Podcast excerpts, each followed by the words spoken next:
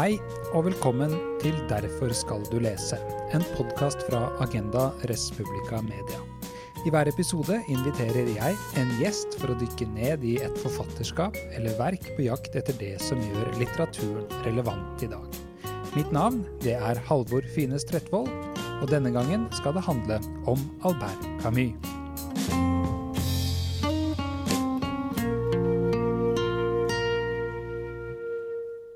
Hyggelig å ha deg som gjest her i Derfor skal du lese, Kristine Amadou. Ja. ja. Du er professor i idéhistorie ved Universitetet i Oslo, og som forsker har du uh, vært særlig opptatt av våre forestillinger om antikken og det gamle Bysants. I tillegg så har du også en ganske imponerende karriere som oversetter, må jeg si, med norske utgaver av bl.a. Amin Malouf og Simone Weil på um, Samvittigheten. Og nå sist har du altså oversatt eh, Albert Camus' roman 'Pesten' fra 1947 for Solum Bokvennen. Og det er jo grunnen til at jeg har invitert deg eh, med. I god smittevernånd så gjør vi opptaket på avstand, og du befinner deg på kontoret ditt ved universitetet, stemmer ikke det? Jo, her sitter jeg. Mm. Mm. Vi skal vie hele denne åpningsepisoden til uh, Camus' bok, fordi jeg vanskelig kan se for meg en romanklassiker som i større grad har trengt seg fram i bevisstheten de siste månedene. Og poenget med 'Derfor skal du lese' er jo å vise hvordan litteraturen kan uh, ja, åpne verden for oss. Bøkene er til å tenke med og mot, de utløser refleksjoner, og det er noe jeg for min del i alle fall tror vi har spesielt stor bruk for når vi eh, nå står ved et av disse ja, historiske unntaksøyeblikkene, kan man kanskje si. Forhåpentligvis så klarer vi å pakke opp boka i løpet av episoden, uh, og pakke ut hvorfor det finnes gode grunner til å lese eh, den i dag. Men la meg begynne med å spørre deg om hvordan du som oversetter av nettopp pesten har opplevd de siste månedene. Ja, tusen takk uh, først og fremst for å ha fått komme og snakke om pesten. Og rent bortsett fra helt private ting, som ikke er noe viktig å si, så har jo eh, koronasituasjonen gjort at det jeg har puslet med, ehm, plutselig er blitt høyaktuelt. Eh, og det er en, merkelig opplevelse hvordan arbeidet med en klassiker, et langt og omhyggelig arbeid, hvordan det plutselig har blitt aktualisert. og man, har fått, blitt spurt både her og der om å snakke om pesten, og den har stått i bokhandlervinduene og ligget i stabler. Og er, eh, og er blitt en høyaktuell roman. Så, så det har vært en, eh, en merkelig erfaring. Fordi det var ingen som hadde trodd på noen måte at akkurat denne boken at den skulle, skulle få en sånn, eh, sånn rolle. Og jeg må jo også si at jeg har jobbet med pest i andre sammenhenger, altså historiske pestfortellinger, eh, som da også plutselig har liksom sprunget opp og, og, blitt aktuelle på en uh, uventet måte. Mm, dobbel grunn til at det uh, er veldig flott at du ville være med i, uh, i podkasten. Uh, um, så vidt jeg har forstått, så var det også nærmest en tilfeldighet at boka kom ut akkurat da den gjorde? Det var det. Eh, fordi dette er del av Solum Bokvennens eh, store og prisverdige prosjekt eh, med å gi ut Camus på norsk. Så delvis har de fått oversatt bøker som aldri har vært oversatt før. Og delvis så har de fått nyoversatt bøker, sånn som 'Pesten', som da allerede var blitt oversatt til norsk av Johannes Skanke Martens.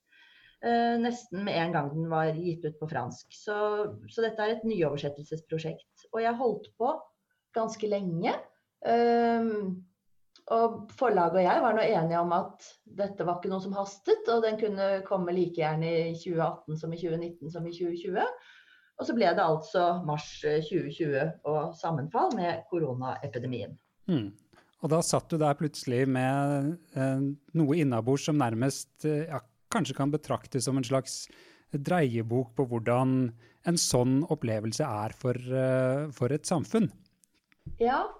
Um, jeg tror faktisk at jeg syns det mest slående var det motsatte. For det, som du sa, at litteraturen hjelper oss å forstå virkeligheten.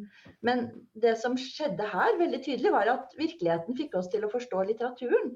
At det som skjedde, og de tankene vi gjorde oss, og de reaksjonene vi fikk på koronaepidemien, at de fikk meg til å lese Camus på en ny måte. Og jeg tror at den, denne situasjonen også har gjort nye lesere åpne for denne romanen som, på en måte som ikke de var før. Mm. Så det er en dialog mellom virkelighet og uh, litteratur som blir veldig liksom, spent da, i det, denne situasjonen. Mm, satt på spissen, nærmest. Vi skal prøve å, å, komme gjennom tre deler, har jeg tenkt, i løpet av uh, de neste ca. tre kvarterene. Og Den første handler om å plassere Camus' roman og forfatteren selv i uh, de opprinnelige historiske omgivelsene der de uh, egentlig hørte hjemme da, da, verket ble til. da. Så La oss begynne med, med, Camus og hans bakgrunn. Hvor kom han fra, og, og hvem var han da han skrev denne boka? Ja, han kom fra Algerie, fra fransk Algerie. Um, og han kom fra et fattig miljø, et, en, fra en fransk arbeiderklasse i uh, Alger. Um, og det er nok jeg tror det er, det er en veldig viktig del av bakgrunnen hans. Og denne romanen 'Pesten' den foregår jo i Algerie, så det er et land han har en veldig sterk eh, tilhørighet til. Uh, men denne Altså, han har skrevet om oppveksten sin eh, i en eh, veldig fin eh, bok som heter 'Det første mennesket', som også skal komme nå på nytt på Bokvennen eh, i sommer. Og i den boken, da, 'Det første mennesket', så beskriver han eh, hvordan han vokste opp i et miljø hvor det, flere i familien var rett og slett døve. Så det var et helt nesten språkløst miljø. Uh, og uh, på den ene siden da, dette veldig sånn fattigslige økonomiske forholdene, og også kulturelt sett lite å hente. Uh, og samtidig den veldig intense gleden over Middelhavet og strendene og solen og Algerie liksom som et sånt lykkeland. Så der kom han fra. Men Eh, han, dro, han utdannet seg, gikk på skole, studerte og dro til eh, Paris. Og under krigen så bodde han i Frankrike og var del av motstandsbevegelsen. Altså en sånn journalistisk motstandsbevegelse.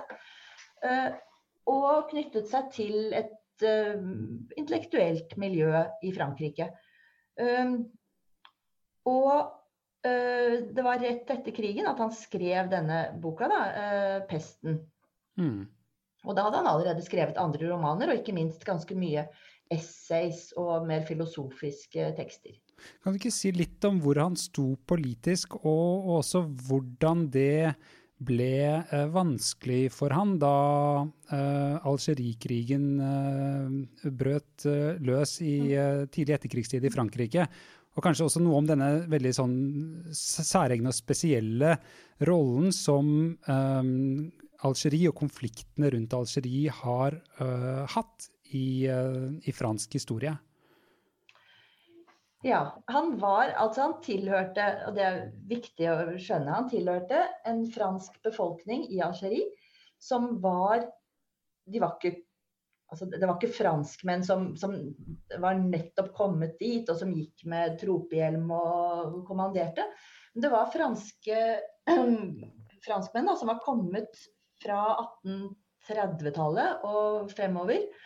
Eh, en del som var fanger, en del som var veldig, veldig fattige, en del som var eh, politisk opposisjonelle i Frankrike, og som dermed var blitt eh, stappa ned i Algerie. Og det var, nå har jeg ikke tall på det, men det var mange. Det var liksom en stor fransk befolkning i Algerie. Og da Algerie-krigen, eller frigjøringskrigen, kom, så ble denne eh, franske befolkningen de ble jaget eller fordrevet eh, ut av Algerie. Og det var noen få som ble igjen. og som, som, da støttet frigjøringsbevegelsen. Så det er klart alle franskmenn var ikke mot frigjøringen av Algerie, men, men det ble, var en veldig opprivende situasjon for de franskmennene som som var vokst opp der, og som, som hadde det som sitt eh, hjemland. Eh, og, og Samtidig så var jo Algerikrigen en blodig og brutal krig, og det er blitt uh, avslørt en veldig ja, brutal opptreden fra franske soldaters side. Så, så det, det, det, er liksom et stort sånn sår i fransk historie, det er Algerie-krigen. Mm, og det ble også, ja. Hvor selvfølgelig, hadde jeg nær sagt, hele venstresiden i Frankrike støttet uh, frigjøringsbevegelsen. Så det var et uh, stort skille i fransk politikk. Uh, mens Camus, da, som, som, jo ellers tilhørte denne venstresiden, han var, gikk, ville ikke støtte frigjøringsbevegelsen. Eller han støtte, ville gå inn på en eller annen kompromisslinje. Og da han fikk nobelprisen i 1957, så, um, så holdt han en tale, en sånn takketale, som er blitt veldig berømt. Uh, og hvor han da sa i denne stund plasseres det bomber på trikkene i Alger. Min mor kunne vært på en av trikkene.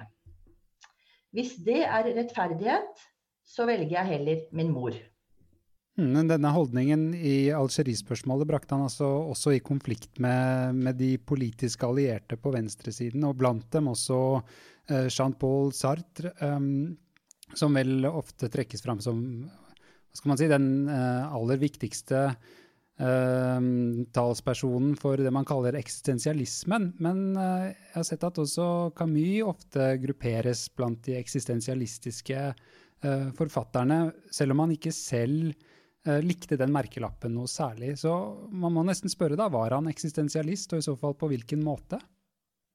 Han var det på, altså han var det på den måten at han ville utforske, både i sine romaner og i essayistikken og i sitt eget liv, hvordan man lever i en verden hvor man er sikker på at det ikke fins en gud og ikke en mening. Ikke en, og hvor man er nødt til å forholde seg til nået, og erobre det nået som, uh, som man lever i. Uh, og for Camus så har inngangsnøkkelen veldig mye en idé om uh, livets absurditet. og at i det øyeblikket man innser at livet og verden er absurd, da starter man på en måte på nytt. Og vokser som menneske ved å innse denne absurditeten. Og da kan man gjøre opprør mot, mot verden. Og dette opprørsmotivet det er veldig sterkt i Camus' uh, tenkning. Men det som er uh, interessant med pesten, er jo for å nærme oss den romanen, da, det er jo at han har, at den har veldig sterkt sånne markerte uh, skikkelser som kringkaster forskjellige synspunkter. Og da er det nettopp denne absurditeten i verden som de liksom forholder seg til på ulike måter. Da. Og enten ved å tilpasse seg eller gjøre opprør, eller som da Camus selv kanskje mest forfekter, eh, bruke situasjoner, eller bruke livet til å, til å, vise en omtanke og vise en humanisme da, i forhold mm. til andre mennesker. Mm. Tror du, altså, La meg stille spørsmålet helt åpent. Hvorfor tror du at han ville skrive en bok om pest? Altså, han skrev denne her eh, umiddelbart etter eh, verdenskrig. Eh, og var selvfølgelig da opptatt av ondskapens problem, i mer en sånn eh, filosofisk forstand også. Hvorfor finnes det ondskap i verden? Hvorfor, hvordan, eh, hvordan forholder vi oss til at verden er brutal og urettferdig? Og hvordan forholder vi oss til ondskapen når ikke vi kan skylde på eh, en, ondskapen som en guddommelig straff, men må se på at det er noe som, som menneskene selv er ansvarlig for eller har, forholder seg til, uten, uten en gud som, som griper inn i den, i den, ene eller den andre veien. Så, så han har nok valgt dette pestmotivet for å for å, for å lage en, skape en, en kondensert virkelighet, og en virkelighet hvor nettopp det absurde og det urettferdige og det meningsløse blir uttrykt veldig klart. For det gjør det nettopp når man rammes av en ubegripelig pest.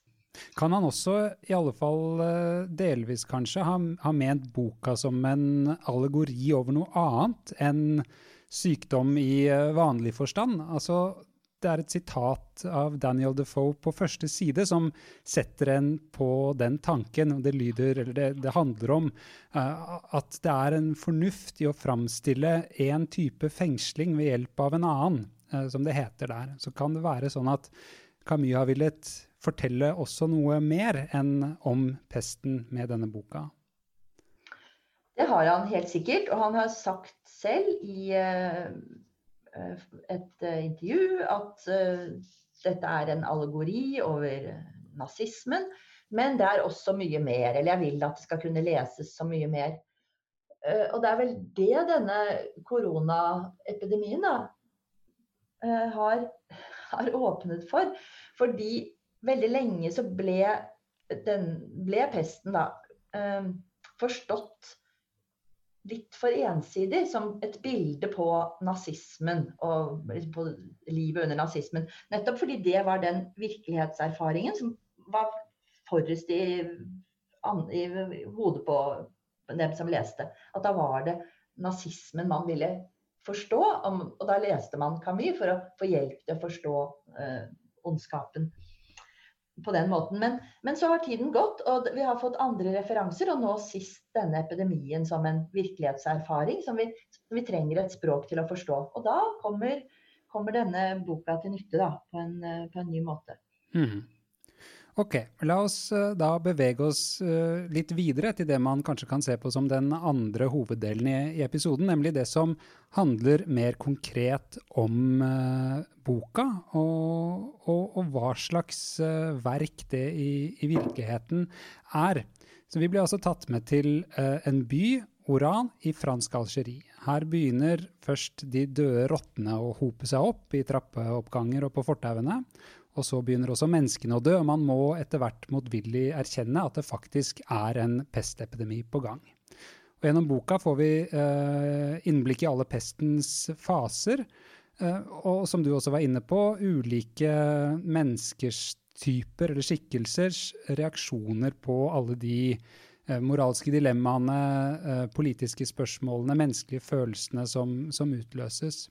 Vi får prøve å komme inn på en del av det, men la oss først si noen ord om byen, som den skildres i boka. Hva slags sted er det som eh, blir rammet? Det er eh, byen Ora i eh, Algerie, en kystby som ligger et stykke vest for hovedstaden Alger, og som er ikke en uh, historisk, fantastisk eller interessant by, men det er en, en veldig vanlig kommersiell handelsby. Uh, og jeg har vært der, og det er en støvete, ganske liksom, kjedelig, kjedelig, by. Og uh, innledningsvis så gjør Camus nettopp et poeng av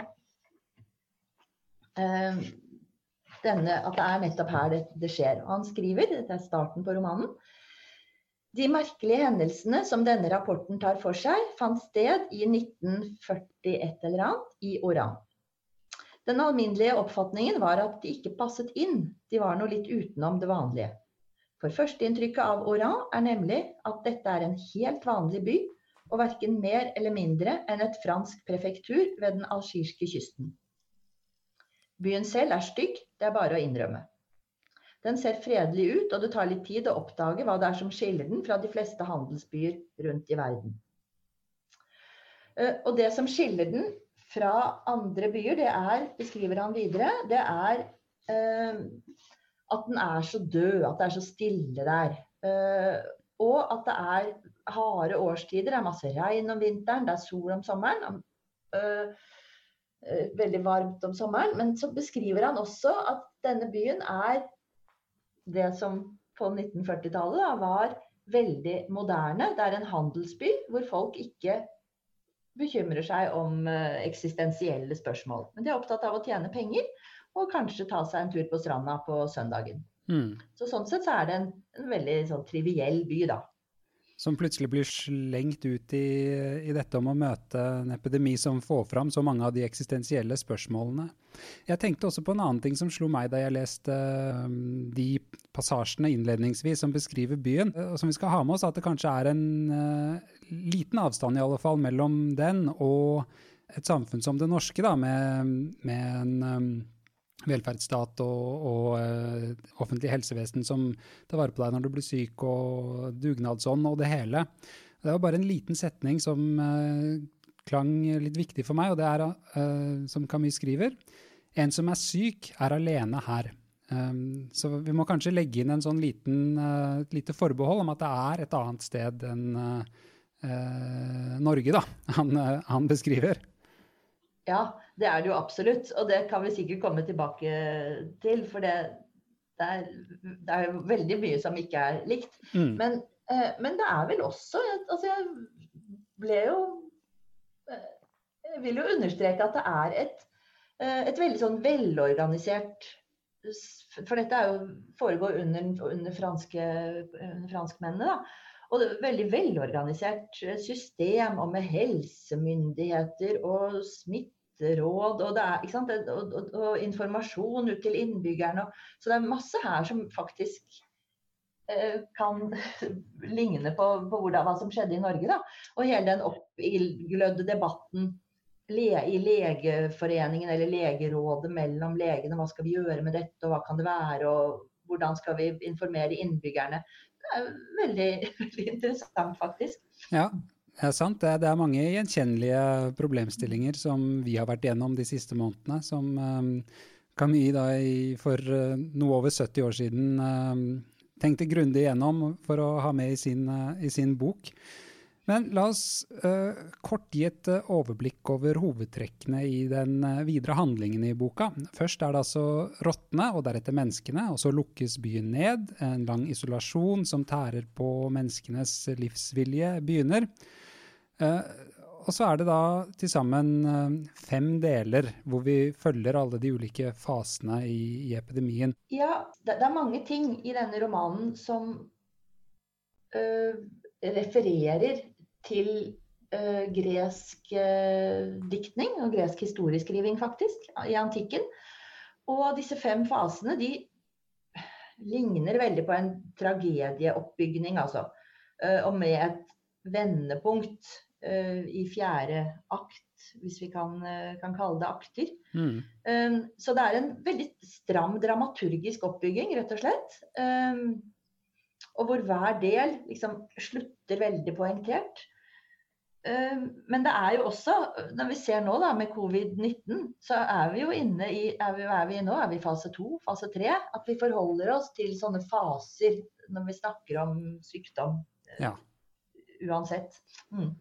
La oss også prøve å si noe kort om det litterære grepet Camus bruker. Um, han uh, skriver at boka er uh, nedtegnet som en rapport av en forsøksvis nøytral historieskriver. Hvorfor, uh, hvorfor har han gjort det, tror du? Han skriver seg inn i en lang tradisjon, faktisk. Som starter med den greske historikeren Tukudid, som beskrev pesten som rammet handelsbyen og demokratiet, Aten på 400-tallet før vår tidsregning. Og Tukedids beskrivelse er overraskende eh, medisinsk eh, og grusom. Og han beskriver både pestens eh, forskjellige uttrykk og dødsralling og jeg vet ikke hva. Og han beskriver hvordan man har problemer med å bli kvitt alle likene, hvordan, man, hvordan alle strukturer for uh, håndtering av liv og død går i oppløsning i Aten. Uh, og dette er blitt videreført av historikeren Lucrets, som utmalte det ytterligere. Det er blitt fulgt opp av andre historikere. sånn at dette er en type historieskriving som, uh, som Camus liksom huket seg fast i for, antagelig også fordi den er, altså den er veldig sånn nøktern i sin medisinske beskrivelse, men den er også veldig klar på at det er noe helt overrumplende som skjer. Og som ikke samfunnet er forberedt på, ikke klarer å håndtere. Mm. Så da velger han denne historieskrivingsformen, som er en, som er en veldig nøktern måte å skrive på. Med noen små unntak hvor han slår seg løs eh, med å svømme, og beskriver at de svømmer i Middelhavet eller gjør andre gledes... Ja, for det er ikke helt gjennomført, eh, det, det grepet. Mm. Eh, et av de trekkene jeg la kanskje spesielt godt merke til, eh, det er um, at boka på en måte handler om og formidler mange av de spørsmålene som oppstår om hvordan eh, både hver enkelt av oss og vi som samfunn bør forholde oss til, eh, til krisen. Hva er det naturlig å føle? Hva er det rett å gjøre? Eh, og for meg så må jeg si at Camus um, ja, tok opp mange av de spørsmålene som har vært um, diskutert i uh, norske aviser, men også de som han, eller jeg har gått og tenkt på i mitt eget lønnkammer. Og, og noe av det han løftet fram, det hadde jeg uh, tenkt på. Og så var det en del som, han, som jeg iallfall ikke hadde tenkt så grundig på før. Og sånn sett så kan man jo si at lesningen uh, av boka førte til noen nye og interessante refleksjoner, for min del i alle fall. Um, du har jo uh, jobbet så lenge med det og sett uh, så nøye på dette verket at um, du kanskje var forberedt noe bedre enn de fleste av oss på hva en epidemi vil by på av sånne utfordringer. Men kan du trekke fram noe av det du selv synes at boka bidrar med i så måte? den er jo en bok om innestengning. Du nevnte det. Eh, mm. og det, det, sitatet du nevnte, som står sånn innledningsvis eh, av Daniel Defoe, om at man kan sammenligne en type innestengning med en annen, det, det er et veldig sterkt signal om at det er den der isolasjonen som uh, Camus har villet beskrive. Og her er det, uh, i motsetning til med Eh, covid-19, så er denne pestepidemien som beskrives, den rammer bare én by. Som blir liggende som en lomme helt isolert i verden. Og hvor ingen kommer inn og ingen kommer ut. Og hva skjer med det menneskelige fellesskapet når mange er atskilt fra dem de er glad i, fordi de er på utsiden av byen? Og uh, når menneskene er overgitt helt til hverandre og denne ondskapens epidemi da, midt inne i den innesperrede byen.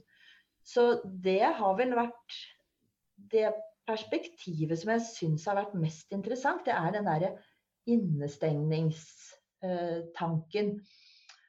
Uh, I Norge så har vi jo lite Altså vi har ikke kunnet reise til utlandet og ikke på hytta, men uh, vi har jo ikke følt oss innestengt på den måten. I mange andre europeiske land så har man jo hatt regelrett portforbud og vært enda, altså fått kjenne enda sterkere denne erfaringen av å, å, miste det vi har trodd var en helt ja, en, en, frihet vi aldri ville kunne tape. Mm. Han sammenligner det, så vidt jeg husker, også uh, med emigranterfaringen. Altså erfaringen av å være fremmed i et annet land. Jo, det gjør han. Uh, og har også mot slutten en eh, beskrivelse av hvordan alle mennesker endte med å kle seg og se ut som de var emigranter, som om de var hjemløse. Da. Og det er vel kanskje en, en av de referansene til annen verdenskrig og til disse her store forflytningene av veldig, veldig mange mennesker som, som, var et annet sted enn der de hørte til. Um, men, men, det er også at en innestengning Det er jo ikke bare å være sånn marerittaktig sperret inne med noen andre, men det er også å være adskilt fra dem som ikke er i den samme innesperringen. Mm. Til slutt i boka så, så svinner eh, sykdommen hen. Uh, og den uh, siste akten, da, om man skal bruke den terminologien, uh, er kanskje den aller mest aktuelle der vi står akkurat nå i den virkelige verden, med denne langsomme gjenåpningen av samfunnet og en, en gradvis retur til noe som minner mer om en normalitet. Um, hvis du skal trekke fram uh, noe fra Camus' beskrivelse av denne fasen, hva ville det vært da? Ja, den er uh, interessant. Og den, fordi de har jo gått og lengtet og lengtet og lengtet etter at byen skulle åpne, etter at livet skulle bli normalt igjen. Uh, og som vi merker her i Norge og overalt, så tar det litt lengre tid enn det man tror. At pesten, Man begynner å få kontroll på pesten, det er færre og færre som dør. Og så tenker de kan ikke bare slippe åpne portene, kan det ikke bare være slutt? Og så tar det ganske lang tid. Mm. Eh, men så åpner endelig portene, og det er en gledesfest uten sidestykke. Eh, og den som da går rundt, og som vi følger, det er romanens hovedperson, nemlig legen Rieu. Og som fortsetter, han skriver eh, han gikk alene og forsøkte å komme seg ut til forstedene mellom kirkeklokker, kanoner, musikk og øredøvende rop. Jobben fortsatte, de syke tar aldri ferie. Pesten var over, og redselen som fulgte med.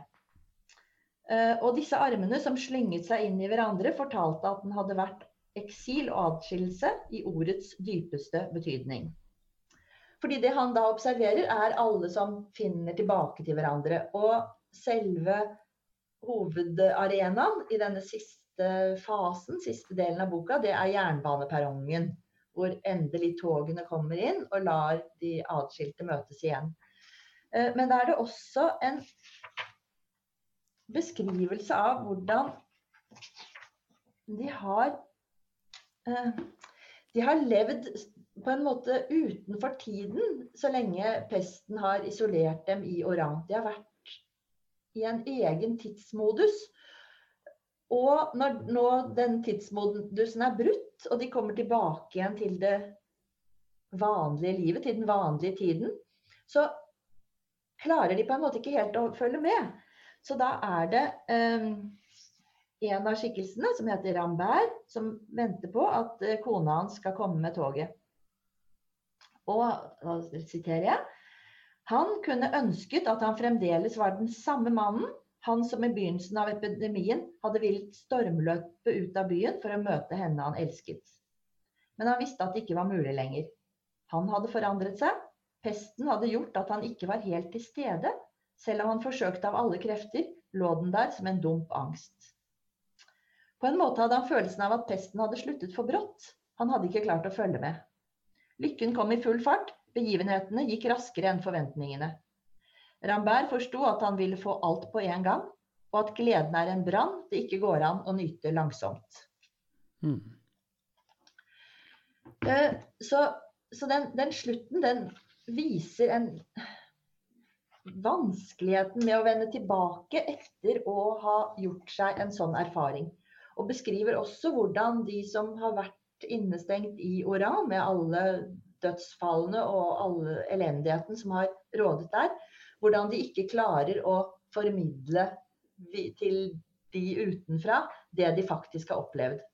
Så det er, handler jo også om å sette språk på en erfaring, um, og kanskje umuligheten av å gjøre det. Og når vi snakker om umuligheten av å sette språk på en erfaring, så må vi da nevne en av eh, skikkelsene i eh, romanen, og kanskje den aller rareste, som er rådhusfunksjonæren Gran.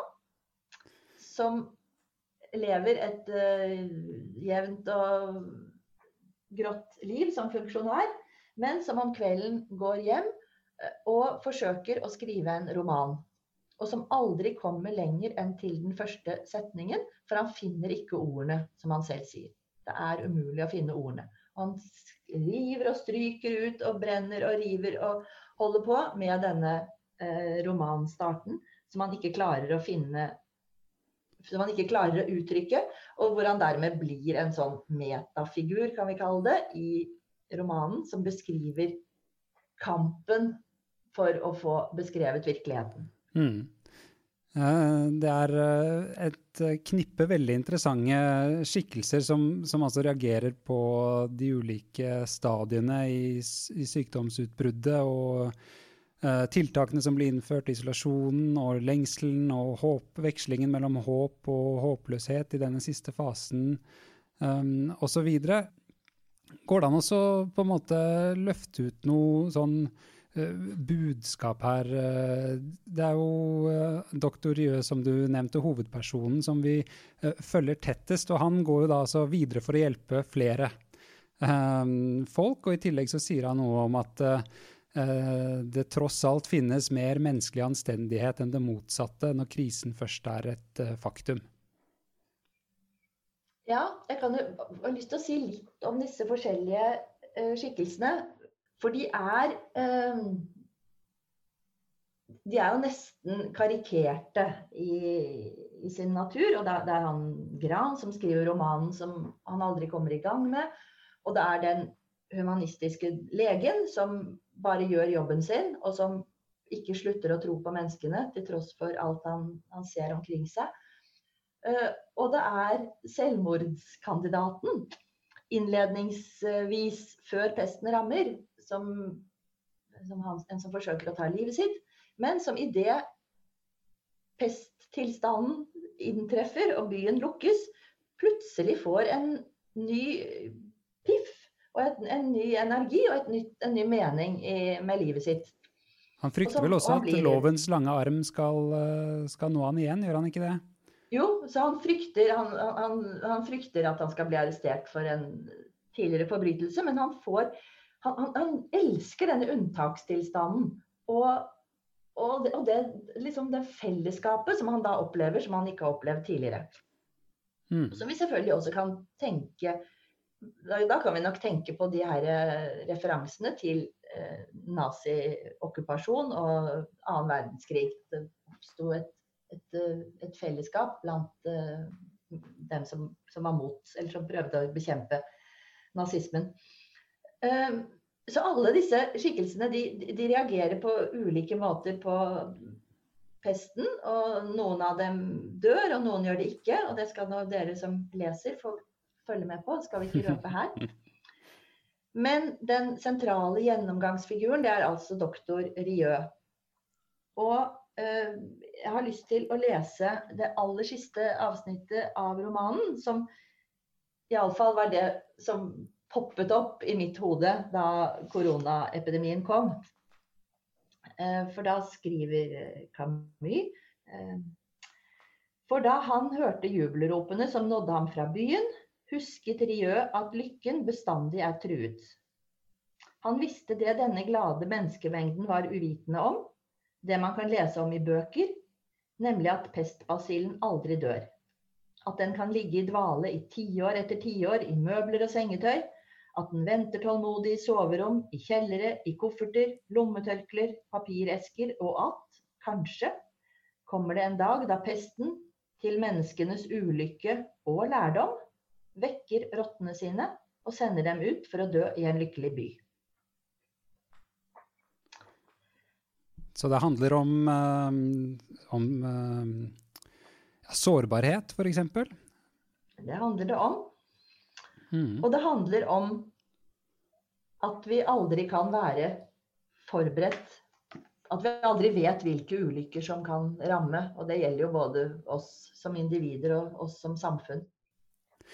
Vi skal nærme oss uh, hovedspørsmålet for uh, episoden nå uh, litt mer direkte nå til slutt. Um, altså hvorfor vi skal lese denne boka i dag. Um, jeg tenker at det kan være fornuftig å begynne med å peke på alt det som er gjenkjennelig i boka, og det vi selv, og selvfølgelig land som har vært enda mye hardere rammet enn Norge, har vært gjennom i det siste. Og noen av disse parallellene er jo eh, veldig slående, men, men, overfladiske, som at epidemien rammer om våren og, og, og den type ting. Og andre syns jeg er mer treffsikre, som den politiske nølingen og personlige fornektelsen av krisens omfang til å begynne med. Uh, innvirkningen på den menneskelige psyken, konsekvensen av tiltakene som blir satt i verk for å begrense smitten, uh, osv.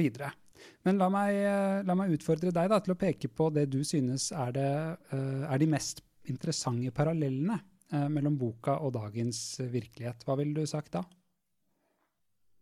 Jeg ville vel sagt opplevelsen av å leve i en helt overraskende unntakstilstand. Altså hva skjer med oss når vi har levd og ruslet rundt i januar og februar og deler av mars 2020 og ant fred og ingen fare. Og så plutselig så rammer noe som ingen hadde trodd at skulle ramme. Og hva skjer det med oss enkeltvis og som samfunn når vi befinner oss i den unntakstilstanden som vi heller ikke vet hvor lenge kommer til å vare? Og hvor vi ikke vet om det ligger en basill i et lommetørkle eh, og venter og slår, slår til senere. Så jeg tror at det vi kan hente i denne romanen, som er en flott roman til alle tider, men som gjør oss disponible for den på en eh, egen måte, det er den opplevelsen av at det skjer noe som vi ikke hadde ventet oss, og som vi ikke vet når slutter, og som setter hele samfunnet i en annen modus, i en annen eh, virkelighetsforståelse. Mm. Det kan også være interessant kanskje å spørre om eh, det er noe av det vi har vært opptatt av i det siste som Camus eh, legger relativt liten vekt på. Og for min egen del så ble jeg f.eks. litt overrasket over at eh, Camus, gitt forholdene i Algerie og gitt epidemienes historiske tendens til å forsterke ulike sosiale motsetninger og fiendebilder og ofte føre til en jakt på en syndebukk eh, osv. Men til tross for det så nevner altså Camus knapt den arabiske befolkningen med eh, et ord. Og han er i alle fall i svært liten grad eh, opptatt av akkurat denne problemstillingen. Hva tenker du om det? Det gjelder alle bøkene hans. at han skriver om Algerie som om araberne omtrent ikke bodde der. Og i den grad han skriver om araberne, så er det som navnløse uh, figurer. Så, uh, og de, dette er det mange som har, som har undersøkt. men han, han, prøver ikke, han prøver ikke å finne noen som har skyld, og han beskriver jo et samfunn hvor i motsetning til her, da, hvor man går på restaurant, man går på teater, man er ute i byen. Og det bylivet det er ganske sånn sosialt uh, mangfoldig, egentlig. Mm.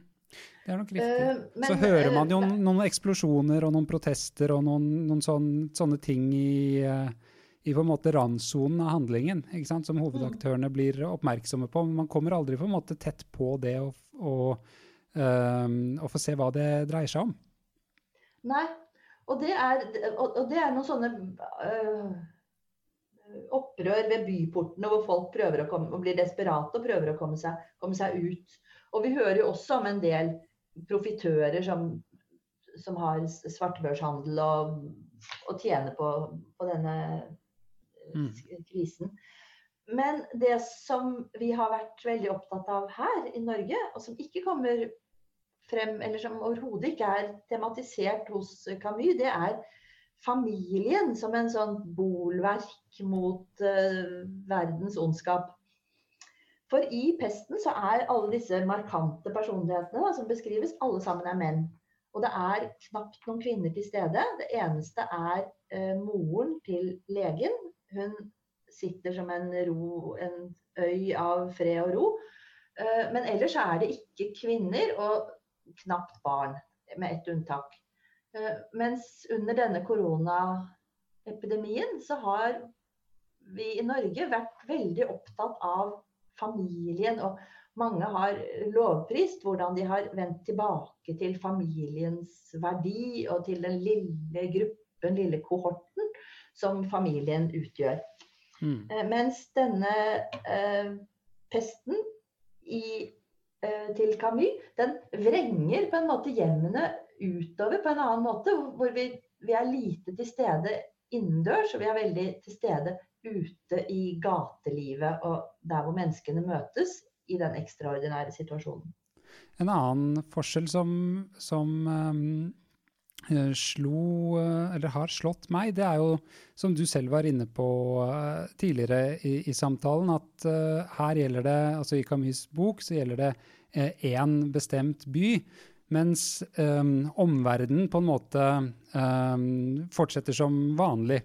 Og jeg kan tenke meg da Denne beskjeden om å stenge ned byen f.eks. kommer jo fra, um, fra hovedstaden. Kommer utenfra. Nå må dere lukke ned. Og den eh, isolasjonen skjer på en måte for å beskytte um, omgivelsene. Og sånn sett så blir det en veldig særegen og annerledes erfaring som de som bor i byen har, versus alle de som bor alle andre steder. Og I tillegg så har de jo ikke de teknologi, den teknologien uh, vi har når det kommer til um, kommunikasjon. Eh, I romanen så er folk henvist til, eh, til, å telegrafere med hverandre etter at postbudet, postgangen stopper, og da er det begrensning på eh, enda knappere enn Twitter. Det er vel bare ti ord, tror jeg.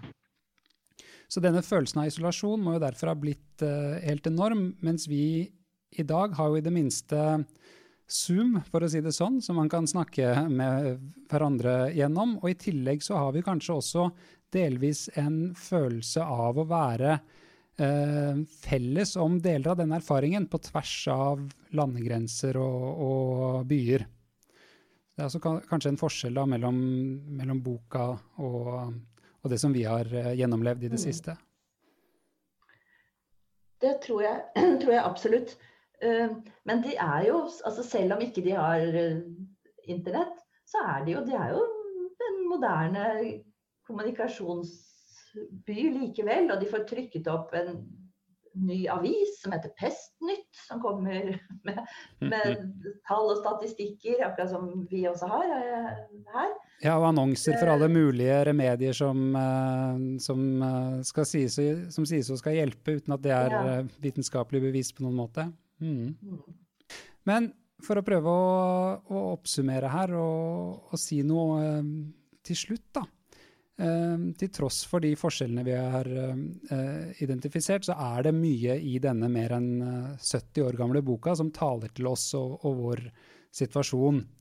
Uh, er det kanskje sånn um, at vi kan si, når det kommer til stykket, um, at Camus brukte sin, ja, sin, forestillingsevne som romanforfatter, og det man uh, må gå ut fra også var en ganske omfattende research til å, å beskrive Eh, alle de psykologiske, eksistensielle, dypt menneskelige reaksjonsmønstrene som oppstår i møte med en sånn katastrofe, og at vi kan bruke det i dag som et speil når vi skal granske oss selv eh, og forsone oss med våre egne handlinger og vår egen håndtering av det som eh, har skjedd eh, med oss, da, både på et individuelt nivå og, og kollektivt.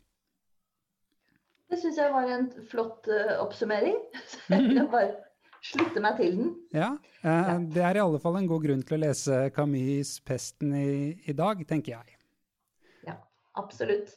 Da synes jeg grunnen det passer uh, fint å, å stoppe, ja. Så da vil jeg gjerne takke deg, Kristine uh, Amadou, for å ha blitt med på denne praten om altså Albert Camus' uh, roman 'Pesten' fra 1947. Takk også til dere som har hørt på. Gi oss gjerne en tilbakemelding i iTunes eller der du lytter til eh, podkast. Derfor skal du lese er tilbake igjen om to uker. Jeg heter Halvor Fines Trettvold, og jeg skal i alle fall kaste meg over en eh, ny bok eh, nå. Håper du også gjør det samme.